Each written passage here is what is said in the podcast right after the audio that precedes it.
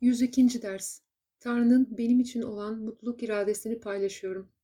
Acı çekmek istemiyorsun. Acı çekmenin sana bir şey verdiğini düşünüyor olabilirsin. Ama sana verdiği azıcık şeyin senin istediğin şey olduğuna da inanıyor olabilirsin. Ancak bu inanış şimdi kesinlikle sarsılmış durumda. En azından onu sorgulamanı sağlayacak ve onun gerçekte bir anlamı olduğundan şüphe edecek kadar.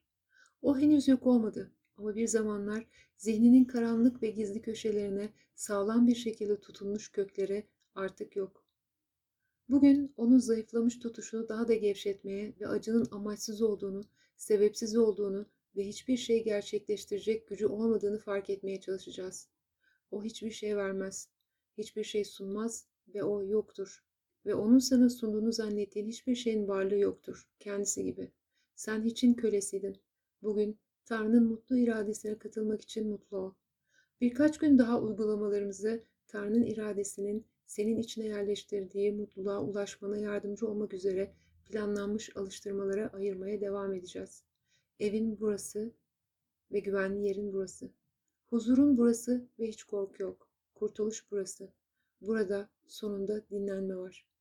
Bugünkü uygulamaya Tanrı'nın senin için iradesini şu şekilde kabul ederek başla. Tanrı'nın benim için mutluluk iradesini paylaşıyorum ve onu şimdi işlevim olarak kabul ediyorum. Sonra bu işlevi zihninin derinliklerinde ara. Çünkü o orada senin onu seçmeni bekliyor.